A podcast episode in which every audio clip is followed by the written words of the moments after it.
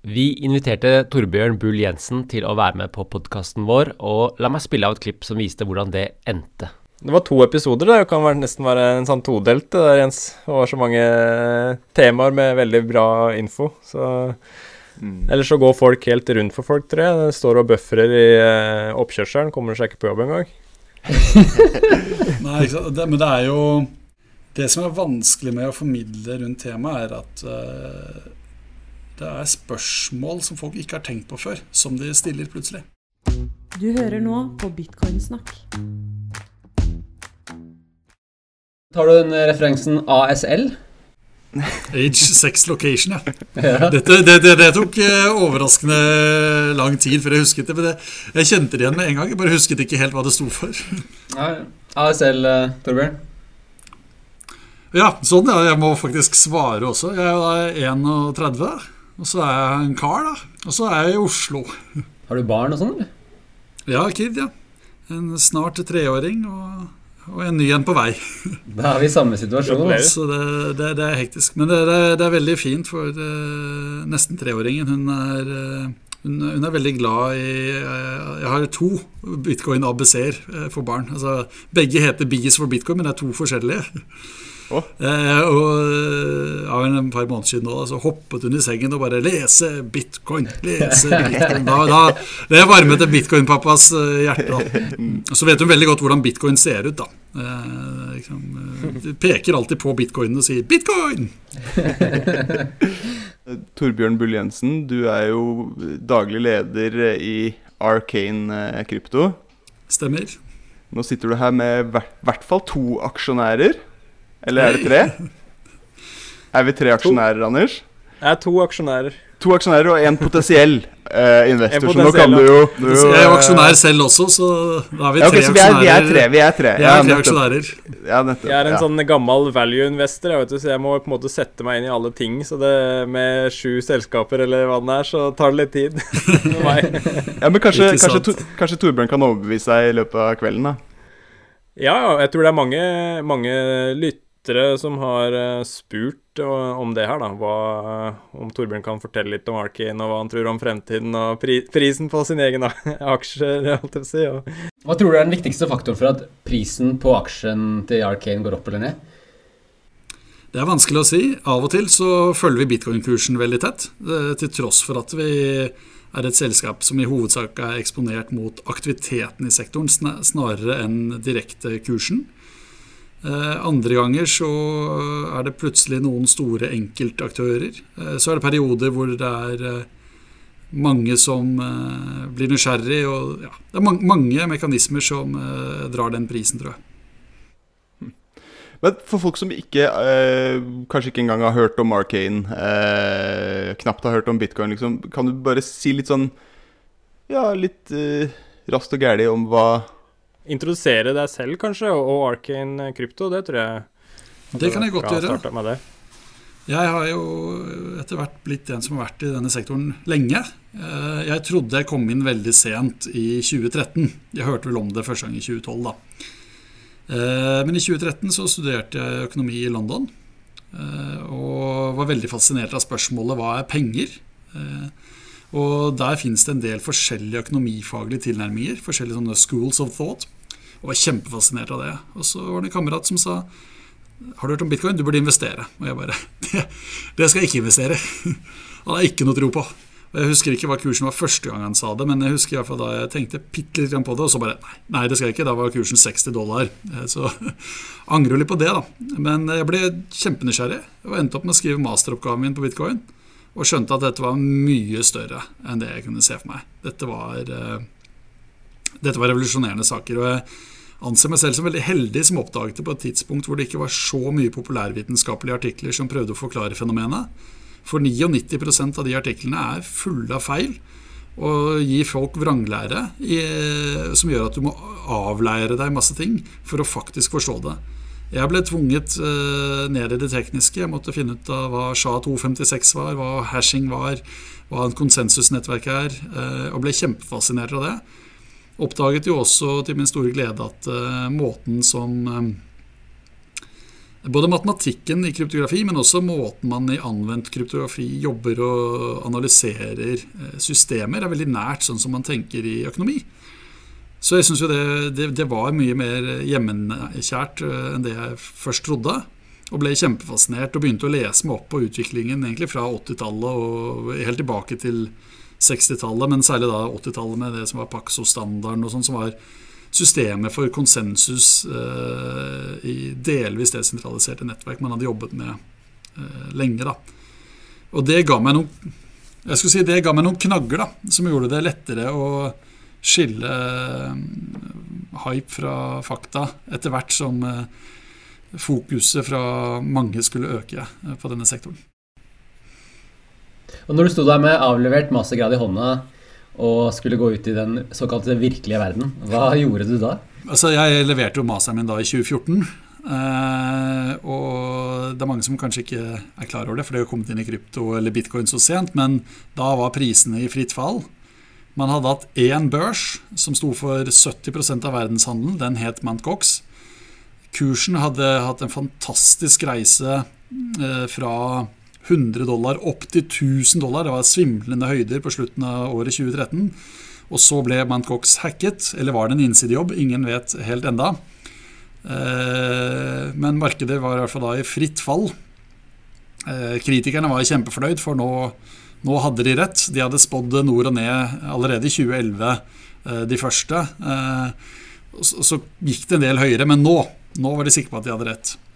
Så da jeg var ferdig, så det var ikke noe selskap i Norge som drev med dette her. Eh, det føltes litt for ambisiøst å kaste seg ut i en startup med stort eh, studielån. Eh, fra det å ha studert i England er ganske dyrt. Så da, ble, da, begynte jeg å jobbe som konsulent og beholdt dette som en hobby, men en veldig veldig, veldig aktiv hobby. Jeg, altså, vi snakker tre-fire timer om dagen, tror jeg. Jeg er, sånn, jeg er en type som blir fascinert av ting, og da bruker jeg mye tid på det. Ja, for Du begynte liksom med, med, litt sånn spørsmålet hva er penger, og det er jo litt naturlig som økonomistudent. Uh, på en måte, Men så, men så uh, begynte du med ganske avansert kryptografi uh, her, som på en måte Ja, du må ha hatt liksom Du må ha lest deg litt opp på det?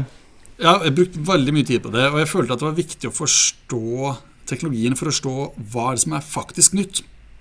Hva er det som er the secret sauce? Og særlig det samspillet mellom spillteori eh, og det tekniske som muliggjorde den spillteorien. For spillteori er jo økonomi. Jeg hadde hatt flere fag i spillteori. Det var det jeg syntes var eh, innmari spennende. Eh, og mye av dette var det som gjorde at når 2015 kom, da, og alle skulle begynne å snakke om blockchain, bare ikke bitcoin, og så skulle vi ha en enterprise blockchain, og vi skal begrense hvem som kan interagere, så visste jeg at ja, men, så lenge du har en eh, begrensning på hvor mange aktører som kan være med, så har man hatt systemet fra konsensus mellom disse aktørene eh, ja, med teknologi fra 80-tallet. Det er ikke noe nytt som er kommet eh, som løser det problemet. Det nye var at hvem som helst kunne delta. Du kunne hatt helt åpent nettverk og allikevel kunne ha full enighet. Eh, ingen kunne eh, betvile at du hadde en bitcoin hvis du faktisk eide den. Og det var det som var det nye. Jeg, bare føler det, det blokkjede og blokkjede har gått litt sånn inflasjon i, i det ordet. Eh, og at altså når jeg prater med andre, så er det Hvis de sier Jeg, jeg var i en diskusjon da, med en kar som sa ja, en blokkjede det er jo per definisjon desentralisert. Og da ble jeg litt sånn eh, Nei. Eh, og dette, var en, altså dette er en sånn IT-mann da, som, eh, som, er veldig på altcoins, og at vi må bytte ut uh, liksom bitcoin med noe som er mer miljøvennlig. Bare for, bare, for, de som uh, er lyttere her, så, så slo Torbjørn seg i, i, hodet med en ganske sånn Jeg vet ikke, jeg håper det smellet kom med, med en ganske sånn fordummende bevegelse der på, på det um, blokkjedepåstanden. Ja, ikke sant? og Det har vært en sånn gjenganger. Jeg liker ikke bitcoin, men blokkjede er fremtiden. Og Det er sånn eh, lakmustesten på om du i det hele tatt har snev av peiling på hva du snakker om. Hvis du sier det, så bare blottlegger du deg selv helt. Og det er ikke fordi blokkjede kanskje ikke er verdiløst. Det er bare utsagnet bærer preg av at du har lyst til å være teknologioptimist, eh, men du vet ikke hva du snakker om. Så, så er, det, er, det, en av de her populærvitenskapelige misforståelsene du, eh, du vil til livs? Ja, som du, som du absolutt. Og det har jo vært nettopp så blokkjede ikke, var ikke noe nytt i det hele tatt. Altså, det, det, det er, og det er noe veldig trivielt. Det er en liten del av den tekniske biten til bitcoin. Det er en måten du lagrer data på, og hvor du peker tilbake til forrige versjon av dataene, og så bruker du kryptering. Eh, før så het det en kryptografisk linked list. Eh, og det, for, for vanlig dødelig så er det egentlig bare logg. Loggføring. Loggføring er ikke noe nytt. Eh, log, en logg er ikke iboende desentralisert. Sånn at blokkjeden var aldri det spennende. Jeg hørte på den her eh, leksjon til, som ligger ute på YouTube med MIT, fra MIT med han der Gary Gensler. Eh, han som har blitt eh, nominert til å lede SEC i USA av Joe Biden. Eh, og han nevner da at den lengste blokkjeden, det er i tid, da, det er ikke bitcoin, men det er en blokkjede i New York Times som da logger hver eneste utgave, da. Så den, den, den blokkjeden har gått fra, fra, 1995 og går fortsatt. Og det viser bare at det, var ikke blokkjede som var det spennende. Blokkjede mm. var en bitte liten teknologikomponent i et fenomen der selv hele teknologipakken bare er en liten del av hva fenomenet egentlig er. Fjerner du alt det sosiale, fjerner du alt med infrastrukturen, den koordineringen vi har oss mennesker imellom rundt at vi har fått en enighet om at bitcoin er bitcoin, eh, så sitter du fortsatt igjen med luft. Og det er veldig mange har trodd én, det handler bare om teknologi. Eh, og to, det, handler bare om denne blokkjeden. Og så man begynt å bruke begrepet på en sånn måte at det betyr alt og ingenting. Man brukte det litt som en sånn der eh, særlig mange konsulenter har hatt foredrag hvor de har hatt liksom sånn blokkjede. Du, du, bruker 99% av tiden på foredraget til å beskrive problemet med eksisterende løsninger. Og så sier du bare 'blokkjede skal løse det'. Eh, under, og, det farlige med det er at du får da konsortier, altså samlinger av selskap, som finner sammen. Bruker milliarder av eh, kroner på å investere dette her. Fordi de trodde Eh, problemet med at det var mye papirer i verdikjeder, altså når internasjonal varehandel, at det er masse ting som er på papirdokumenter, at det handlet om teknologi. Og så oppdager de etter at det har gått noen år, at det, problemet var aldri mangel på teknologi. De kunne gjort alt heldigitalt, helautomatisert for lenge siden. Det er det å få eh, koordinert mellom konkurrerende aktører, få konkurrerende aktører til å samarbeide og finne en felles standard. Og det å slappe noen ny buzzord på det hjelper ikke. Og Det er derfor R3-konsortiet, som hadde alle de største bankene med på laget, floppet. Det er derfor Libra har blitt til Diem og fortsatt ikke er lansert. Og det er, ja, det er en rekke andre tilsvarende prosjekter som bare aldri kom noe sted. Uh, de hadde alle de store stakeholderne, men det, og det var derfor de ikke kom noe sted. For å si det enkelt. Og Bitcoin har jo ingen ingen ledere. Eh, og hvis de hadde hatt en talsperson i Norge, så hadde det kanskje vært deg. Men eh, For du er jo støtt og stadig i alle aviser og svarer på spørsmål. Det, det setter jeg veldig pris på. At det er en sånn som deg som, som er her ute og tar, eh, tar kula når ting går varmt. Ja. Skyter fra hofta. ja. ja. Men jeg syns du svarer veldig godt for deg. Ja, det, det er hyggelig å høre, da. Men, og her er det jo viktig at det er jo ingen som kan snakke for bitcoin. Og det er jo, noe, det er jo hele styrken. Eh, og det er det som også gjør det så frustrerende for mange som er i bitcoin. De, og særlig de som var med tidlig. Eh, mange kom inn på et tidspunkt hvor narrativet var ganske homogent. For F.eks. det var en fase hvor veldig mye av fokuset var på bitcoin som betalingsløsning. Og så viste det seg at nei, andre ønsker å bruke det som digitalt gull og investering. Og ikke bare det. Det er Wall Street som ønsker å bruke det til digitalt gull og investering. Så dette som startet som litt sånn eh, anti-Wall Street, er plutselig blitt omfavnet av Wall Street. Og det er det egentlig ingen som kan stoppe. Det er mange som ikke liker det, og som kanskje forlater prosjektet eller bytter til andre prosjekter. Eller så er det mange som eh, innser at vent nå litt, det er faktisk plass til begge. Eh, for det er ikke noe sånn at du kan tvinge noen ut, og det er det som er så magisk. Du trenger ikke du trenger ikke konsensus om hvordan du skal bruke bitcoin. Du trenger bare konsensus i systemet. Men åpenheten gjør at du ikke må ha full enighet. Mens alle mulige sentraliserte systemer, så selv om det er en eh, gruppe med aktører som skal stemme over noe, så må du ha en enighet. Og det gjør at du får sånn type flertallstyranni, og hvor mindre brukscase tvinges ut. Og det slipper du da med et desentralisert system. Mm. Jeg, jeg, føler den der For det som du snakker om med blokkjede, er liksom en sånn veldig stor misforståelse som jeg ser igjen. Og det med betalingsenhet. Altså Senest i dag så hadde jeg en diskusjon med en sånn økonomiprofessor eh, på Twitter som eh, på en måte Sirnes? Ja, stemmer. eh, hvor han mener at eh, Ja, ikke sant, han bruker det, sammenligner det som en betalingsmiddel. da. Det er mislykka. Det er altså, du kan ikke gå på, i butikken når det har falt 10% neste dag. Det, det, er der, da. Så ja, den sitter veldig og, og, ja, og det som er problemet, er jo at uh, altfor mange som prøver å analysere det, skjønner ikke at det er et fenomen i utvikling. Eh, så de ser på hva det er akkurat nå, og hvordan det brukes akkurat nå, og så konkluderer de med at det, hvis det ikke funker nå, så kan det aldri funke. Hadde du derimot skjønt og latt det synke inn at det, for tolv år siden så var alt dette her Det var åtte sider på en e-postliste for nerder. Og så har det vokst fram organisk fra denne eh, lille e-postlisten til eh, det hotteste topicet liksom, verden over, i alle bransjer, i alle mulige slags kriker og kroker. Og ikke bare det, det er gjort det etter om igjen og om igjen og om igjen å bli erklært dødt, og liksom kursen har vært i fritt fall, og nå skulle boblen ha roet seg.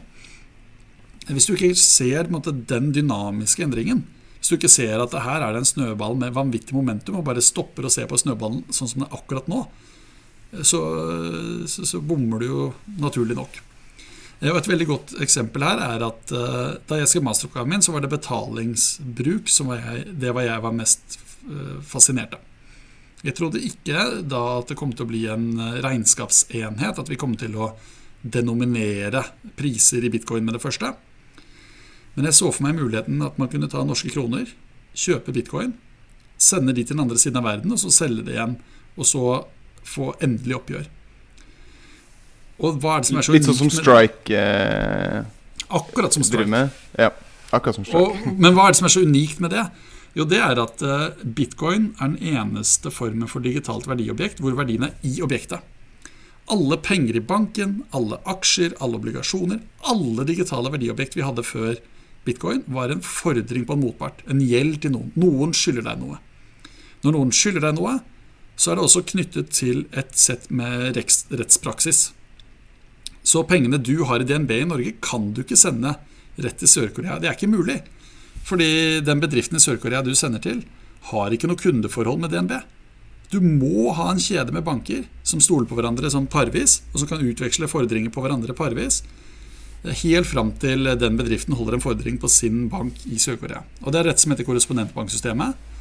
Og uansett hvor mye du hadde oppgradert det tekniske, du hadde fått ut stormaskinene, du hadde fått flyttet Swift, da, som er mest dominerende, fra 70-tallsteknologi til dagens eh, løsninger. Så ville du allikevel hatt det iboende problemet at det, det, er penger som er en fordring på motpart du flytter.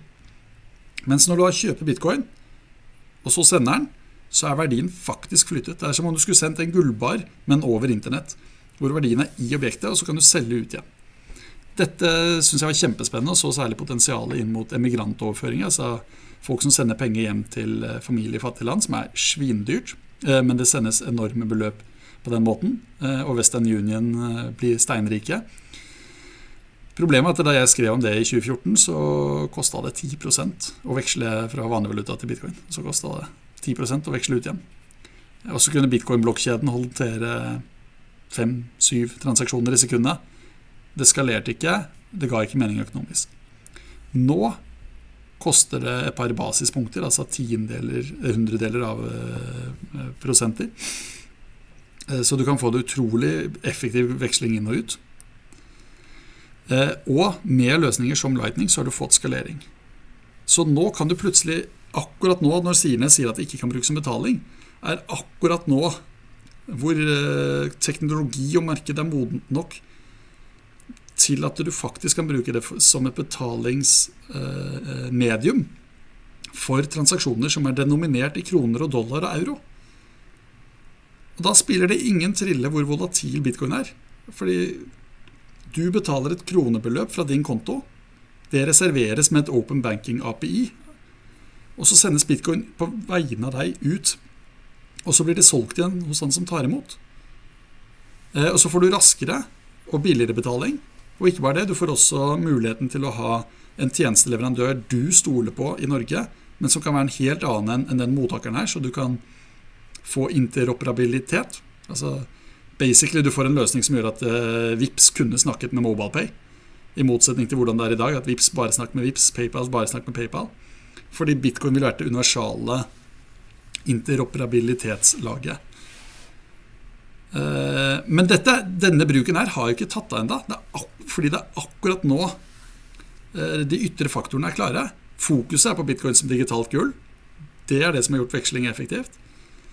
Uh, men hvis man da liksom Hvis man bare ser på tilstanden til bitcoin akkurat nå, og ikke skjønner hvor vi er på vei, og ikke skjønner eh, grunnprinsippene, så eh, de grunnleggende aksiomene Oi, nå gikk lyset her. Jeg begynte å lure om hva eh, Så er det umulig å klare å se fremover, da. Det er morsomt at du eh, så dette muligheten når du skrev master for lenge siden. Og så, skrev, og så begynte jeg å lese om strike og så den fantastiske muligheten der. Og så, eh, så, så skjønte jeg at jeg kunne ikke investere i Strike nå, men så begynte jeg å lese om Tesla Coil. Eh, og hva er det Tesla Coil gjør, eh, Torbjørn? Så Tesla Coil er en programvare vi har utviklet i Arcane, som eh, eh håndterer bitcoin-betalinger over nettopp Lightning. Eh, og så har vi bygd inn integrasjoner mot eh, vekslingsaktører, såkalte likviditetstilbydere, børser osv., som gjør at når bitcoinene kommer inn, så kan de veksles om til vanlig valuta i sanntid. Eh, og en bedrift som da kjører en Tesla Coil, kan da bli i stand til å ta imot bitcoin som betaling, men ende opp med kroner og euro. Det som er unikt med det vi gjør i Tesla Coil, det er at vi ikke tar rollen som betalingsformidler. Det er ikke vi som tar imot på vegne av bedriften, veksler og så sender oppgjøret. Vi leverer programvaren til bedriften, som kan kjøre det på sin server og legalt sett være eier av dette. Vi uh, supporterer løsningen og en gir en managed service.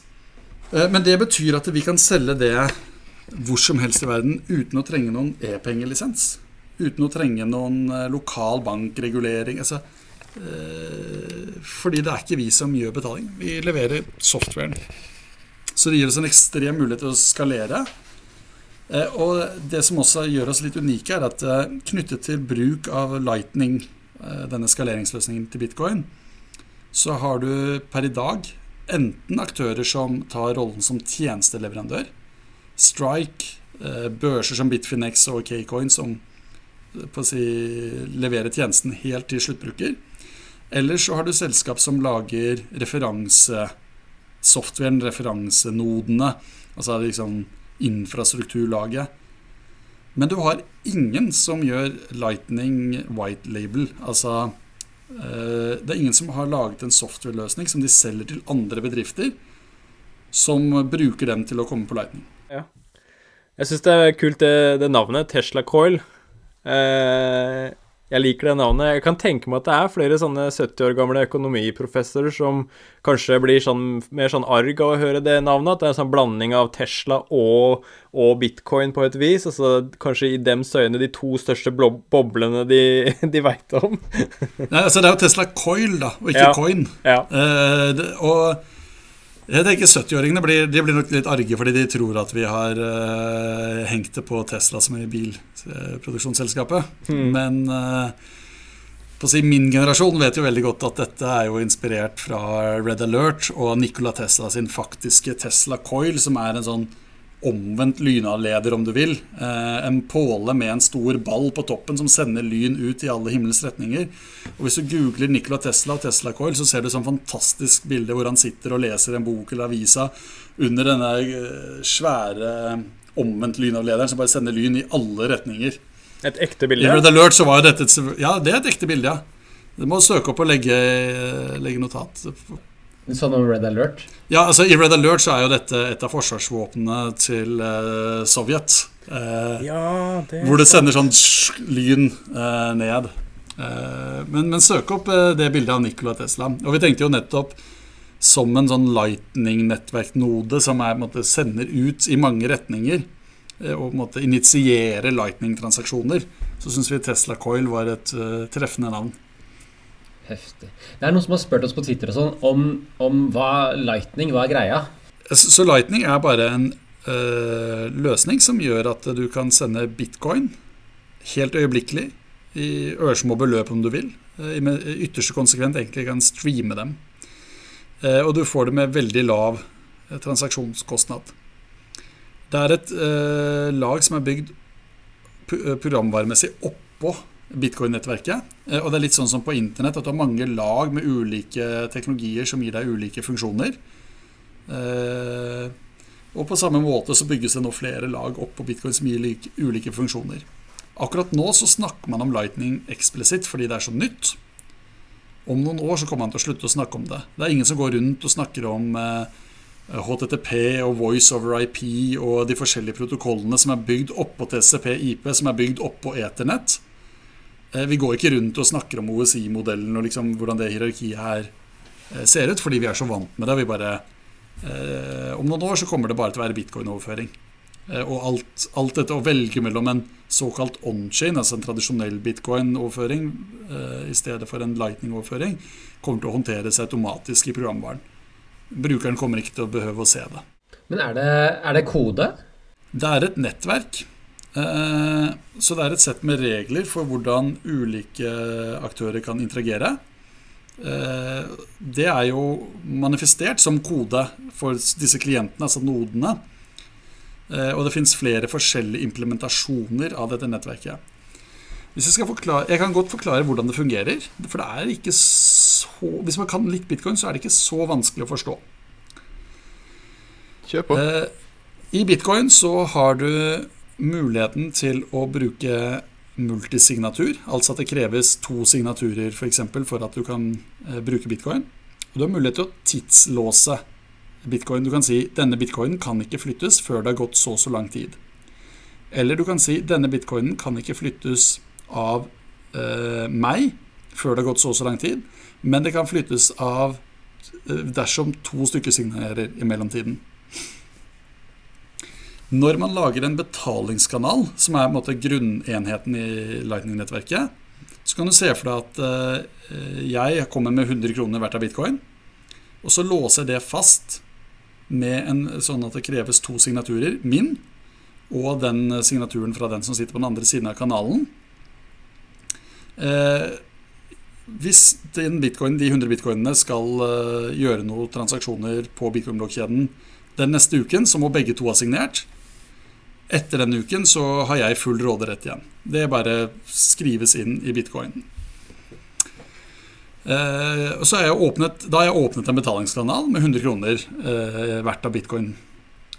Eh, og så tenker jeg å kjøpe noe av han karen jeg har åpnet denne kanalen til. Det jeg da gjør, er at jeg signerer la oss si én krone. En transaksjon som gir han eierskap over én krone. Jeg legger til min signatur, og så sender jeg det over til han. Så ser han ok, dette er en gyldig bitcoin-transaksjon, alt stemmer. Det eneste som mangler, er min signatur, altså hans. eh, Og siden jeg kan da Siden jeg ser at jeg har en uke på meg, eh, så kan jeg vente med å Så jeg gidder ikke å sende den ut. Jeg tipper at Torbjørn skal sende meg noe mer. Og rett etterpå så kan jeg sende en oppdatert en, hvor jeg har signert to kroner over til han. Og så kan jeg oppdatere og oppdatere. Og han har aldri noe tillit til meg. Han vet alltid at han kan ta den nyeste versjonen, legge til sin signatur, kringkaste det ut i bitcoin-blokkjeden og få endelig oppgjør. Men fordi han vet han kan gjøre det med sikkerhet, så behøver han ikke å gjøre det, og derfor kan han vente. Analogien er som å ha et perfekt rettssystem. Der eh, dersom du har en disputt med noen, eh, og saken er krystallklar, så kan du spare deg hele kostnaden med å dra saken for rettssystemet, fordi begge parter vet hva som ville skjedd dersom du gjorde det, og derfor slipper du. Det er en enorm effektivitetsbesparelse Eh, og det er det Lightning er bygd opp av. Det er en betalingskanal. Lightning-nettverket er et nettverk av slike betalingskanaler. Der eh, hvis jeg har en kanal til person 1, som er en kanal til person 2, så kan jeg allikevel da sende til person 2 uten å ha en direkte kobling, på en slik måte at jeg krypterer transaksjonen, sånn at eh, person 1 får da si 10 kroner av meg, når han beviser at han også har sendt 10 kroner til neste. Og det settes opp eh, rekursivt, altså sånn på en måte som gjør at ingen kan lure noen. da. Det er først når alt går hele veien gjennom, eh, at det skjer, og da går det hele veien gjennom. Så Lightning-nettverk er, er, et nettverk av betalingskanaler som du kan hoppe gjennom og nå aktører du ikke har direkte kobling til. Er det det som kalles uh, smart contracts, på en måte? Den Dette er uh, en type smartkontrakt som muliggjør det. Uh, Bitcoin kan ha full støtte for smartkontrakter fordi du har logikk du kan programmere inn i bitcoin-transaksjonen. Men du har to tanke, du har to hovedretninger av hvilken vei det tar. Det ene er den veien som bitcoin tar, med veldig få operasjoner du kan gjøre. Tidslås, multisignatur og veldig strengt. Det gjør at det blir veldig begrenset, men hvis du er kreativ, så kan du faktisk gjøre ganske avanserte ting ut av lite. Eh, og det, er mange som nå jobber med måter å bruke eh, innsikt fra hvordan kryptografiske signaturer fungerer, til å lage smartkontrakter for bitcoin, men som bare er fordi kryptografien fungerer sånn. Du kan sette opp en gruppe med 100 som deltar i en multisignatur, og egentlig bruke det til avstemning. og ha, Hvis mer enn så og så mange, så og, og egentlig det er ikke noe logikk, det er ikke noe avansert programmeringsfunksjonalitet. Det er bare utnyttelse av eh, eh, matematiske regler i kryptografien. Så har du den andre retningen, som er den Ethereum har tatt, hvor de har eh, åpnet opp for et eh, omfattende programmeringsspråk. Du kan skrive logikken rett inn i transaksjonen. Eh, og dette er jo det som er blitt omfavnet av en del utviklere. Fordi sannheten er at det er innmari mange utviklere som ikke er noen nettverkseksperter, ikke noen kryptografieksperter. Så når de plutselig ser eh, Solidity, som er programmeringsspråket i Ethereum, så ser de noe som er til forveksling likt den programmeringen de kan fra før av, og så ser de noe som er kjempeenkelt. Eh, det er en kjempefordel, fordi det gjør at du får raskere utvikling av nye systemer. Du får masse som blir testet. Ulempen er at det er eh, lett å ha kode som, helt, som er full av bugs som har eh, edge caser som du ikke helt skjønner og ikke kan teste og validere på forhånd. Eh, og så putter det veldig mye load på, bitene på, på, på Ethereum-nettverket. Altså det blir tungt fra et skaleringsperspektiv. Bitcoin-måten er, er, veldig mye tyngre, det tar veldig mye lengre tid. Det er eh, akademiske papere som skal publiseres nesten før du liksom kommer videre. så du får færre løsninger som er blitt utviklet men noe som er mye, mer, mye sikrere og mer robust. Og så blir det et åpent spørsmål. Eh, antageligvis vil begge typene av filosofi leve side ved side og bli brukt i ulike use case. Antageligvis vil også noen use case som i dag bor på Ethereum, kunne finne veien over til uh, type bitcoin-smartkontrakter. Uh, men det får man se. Uh, jeg husker ikke hvem av det, men det var noen av dere som sa liksom, at jeg så veldig tidlig hva det kunne bli. Eh, og det er jo nettopp det som er så utrolig spennende eh, med at eh, dette er en sånn null til én-innovasjon. og, kan, og det, det, det, er liksom, det er ikke en AI det er f.eks. en volumknapp. Du får liksom mer og mer regnekraft, så kan du gjøre mer og mer av det du kunne før. Dette er null til én-innovasjon som introduserer noen helt nye grunnprinsipper digitalt. Du kan ha et verdiobjekt som er et sted av gangen, som holder styr på en desentralisert system. Du kan håndtere eh, brukeridentitet helt desentralisert. Eh, det er en annen anvendelse av dette her. Du har noen sånne aksiomer eller grunnbyggestener som eh, eksisterer.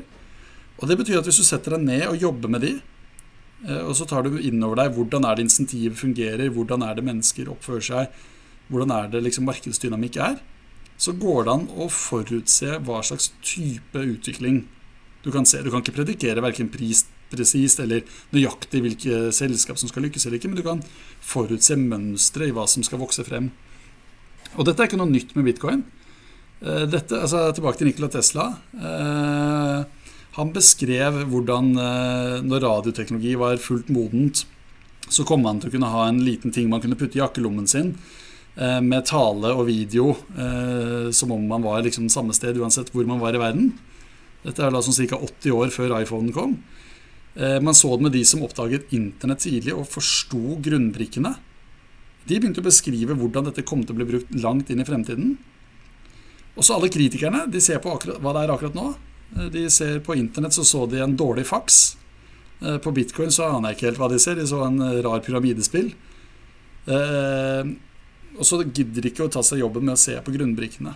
Men nettopp det du kan se på grunnbrikkene, er det som gjør det så kult. Da. Men det er interessant at du kommer inn på det også, for nå tenker jeg at vi har tatt en del sånne typiske sånne fallgruver da, som jeg føler veldig mange går i. Og det er nummer én den blokkjede. Og så er det det med betalingsenhet. Det er jo så treigt, og det er så volatilt. Og så er det det her med, med at uh, du kan skape at du går fra null til én, som du sier. Altså Veldig mange har en sånn her idé om at uh, og jeg skjønner det kjempegodt at når du gjør en startup, da, så må du iterere deg frem til en markedstilpasning, til noe riktig. Og det er, eh, det er sånn Å, vi er gründerteam, og vi skal lage en ny blokkjede nå. Og så, og så, utvikler vi det, og så på en måte vet vi at uh, hvem Det er jo ingen som har rett i første forsøk, så vi må på en måte bare bygge oss frem og At veldig mange går i den fella. Det er liksom Det her er jo det er jo MySpace. Det er jo så treigt. Det de gjør feil der, er ikke sant? Eh, feilen er at de blander sammen infrastruktur og applikasjon. De tror okay. bitcoin er en applikasjon. Applikasjoner så får vi hele tiden noe nytt og bedre. Vi får Facebook istedenfor MySpace. Vi får fancy, moderne biler istedenfor gamle sånne modell T-er. Men hvis du ser hva det som ligger under Fortsatt er TCP-IP for alle, alt av internett. Så den grunnlagsinfrastrukturen er akkurat den samme. Vi kjører fortsatt på asfalt. Det er det ikke skjedd så veldig mye med. Så infrastruktur er noe som står seg typisk kjempelenge. Og, og blir liksom vare, værende med oss utrolig lenge. Så det er det utrolig mange kritikere som ikke har skjønt. De har trodd at bitcoin var en applikasjon. De trodde det var liksom den første iterasjonen, og så kom det noe nytt og bedre. Eh, Hva var det andre ordet du brukte? Var, du sa applikasjon også, men det bitcoin infrastruktur. er en, en infrastruktur, ja. Mm. Ja. Og så er det det andre de ikke Og det er sterke nettverkseffekter. ikke sant? Når folk Det er en standard. En standard er verdiløs hvis ingen andre er på den. Du skal ikke noe med en telefon hvis ingen andre har telefon. Du skal ikke noe med å snakke et språk du er den eneste som snakker. Men når flere og flere sakte, men sikkert begynner å snakke det samme språket, så får du en gravitasjonseffekt. Hvor jo større masse du har fått samlet, jo mer, mer masse trekker du inn. Og så har du snøballen rullende. Og så er den andre biten at folk tror at bitcoin er noe som ble lansert i 2008, og så har det stått stille. De skjønner ikke at det er et av de prosjektene med desidert mest utvikling. Med de, noen av de dyktigste utviklerne som jobber døgnet rundt og liksom verden over for å kontinuerlig optimalisere og iterere og tvike og spesialisere den kodebasen. Bitcoin er ikke statisk. Bitcoin er et organisk, kontinuerlig prosjekt. da. Herlig. En ting jeg sånn, på personlig plan veldig så deg, stille deg spørsmål om. Det er når du som sitter rundt bålet og, på kvelden og, og ser for deg som langt fram i tid, hva, hva muliggjør bitcoin? Det jeg håper det kan muliggjøre, er jo mye, mye friere eh, internasjonal handel. Og ikke bare med liksom, varer, men også tjenester. Internett har gjort det mulig for hvem som helst å sende innhold hvor som helst. Sende om det er en nettside, eh, om det er en låt, eh, om det er en bok eller en tanke. Men du har ikke hatt muligheten til å ta betalt fra hvor som helst. En utvikler i Bangladesh klarer ikke å få tatt betalt fra en bonde i Venezuela. Men bitcoin muliggjør den frie handelen. Eh, det er egentlig banking the unbanked, eh, for å sette det litt på spissen. Men det å la måte, private individer kunne samhandle på en global skala Internett var måte første brikken av å kunne legge til rette for totalt global samhandling, som har gjort at det der vokst frem masse eh, kulturer og grupper som, eh, som har fellesskapet sitt, ikke fordi de er geografisk samme sted, Så du kan ha tre folk i Norge og tre i USA og ti i Canada og noen i Korea som til sammen har liksom en greie. Og internett har muliggjort det fordi det gjorde det fritt frem med kommunikasjon. Og det bitcoin muliggjør, er at det er fritt frem med verdioverføring. Så og, og, ja. Ja, og på en måte eh, Tillit da er et sentralt uh, ord her. Du, du, på en måte Du slipper litt de institusjonene som tidligere har liksom uh, stått for den tilliten. På en måte sant? Det må, det må liksom Det du beskrev her, han i Kambodsja og han i Venezuela Det må liksom i hvert fall en eller annen bank til for at de skal kunne samhandle, på en måte. Uh, sånn som Så ting er nå. Jeg, jeg vil jo si at det løser problemet der du ikke har hatt tillit. Ja, nettopp. Mm -hmm. fordi, fordi, de, fordi disse, disse, har jo vært ekskludert fordi de har ikke fått tillit. Ja. Banken har sagt nei, men du kan glemme å få konto fordi nettopp. du har ikke fast, fast, inntekt, og vi tjener ikke så mye på deg, og du er en risikobruker. Ja. Eh, Sånn Nettopp. At, så eh, jeg snudde det kanskje litt på hodet inni det men uh, ja, det var, det var, litt det som var poenget mitt. Så på en måte litt sånn Hvis vi blåser dette her opp i stor skala, så, så kan det hende at vi ikke trenger nasjoner på en måte på sikt, da. Sant? At, at ja, jeg, jeg, vil snu på det, for dette er okay. jeg, Veldig mange sier at uh, penger er avhengig av tillit. Jeg vil si egentlig at, om, at penger er et substitutt for tillit. Og dette var en av de tingene jeg faktisk eh, kartla i masteren min. Jeg hadde en pengetilnærming veldig, og det var at eh, La oss si innad i en bedrift eller innad i en familie. Da bruker du ikke penger. Da bruker du hukommelse. Hvem er det som har bidratt? En form for resiprositet, en gjensidighet. Hvis du da ser på bedrifter som er i en verdikjede, altså bedrifter som ofte handler sammen, eh, støtfangerprodusenten som selger til bilprodusenten, ja, da har du ofte kreditter mellom disse aktørene som sirkulerer som om det var penger innad i den verdikjeden. Fordi de har tillit til hverandre. Hvis støtfangerprodusenten prøver å ta kreditten fra bilprodusenten og gå på butikken og kjøpe noe, så får han ikke gjort det. Banker samler kreditter fra veldig, veldig, veldig, veldig mange eh, deler av samfunnet. Og bruker det til å samlet backe sin kreditt, eh, som aksepteres bredt i samfunnet men typisk da bare i ett land, innenfor en, måte, en nasjonalstat, innenfor eh, et tillitsområde. Når du da besommer enda lenger ut, handel mellom land, eh, så har man historisk brukt gull. Fordi man har ikke stolt på noen andre lands myndigheter til å styre pengene som alle bruker. Og vi har hatt en veldig unik fase eh, siden 71, da USA forlot gullstandarden. Og vi har hatt en ren sånn dollar hvor verden har måttet brukt dollar som referansevaluta og reservevaluta, til tross for at det er ett lands pengenhet. pengeenhet. Eh, dit jeg vil med dette, er at eh, når du har tillit, så er det mye mer effektivt å bruke tilliten. Du, begynner, du kommer ikke til å begynne å bruke bitcoin innad i familien eh, fordi du har tillit. I verdikjeder så kommer du ikke til å begynne å bruke cash fordi det er mye mer effektivt å kunne bruke kreditt. Cash krever at du har solgt først, og så har tjent, og så bruker. Kreditt lar deg på en måte eh, lage og selge før du har fått pengene. Eh, men det er masse relasjoner hvor, er, hvor tillit er kjempevanskelig. Nettopp mellom land, over landegrenser, over internett. Særlig over internett hvis du skal være anonym i den andre enden. Og i de relasjonene så trenger man en penge som minimerer tillitsbehovet. Du har tillit til pengene, men uh, du har minimal bitcoin, så trenger du ikke noe tillit til den som sendte deg det. Du kan validere helt selv, helt fritt, at den bitcoinen har jeg nå. Uh, så jeg vil si det løser problemene der det ikke er tillit. Herlig. Herlig. Du, dette narrativet til bitcoin har forandra seg, og det har vi snakka litt om allerede.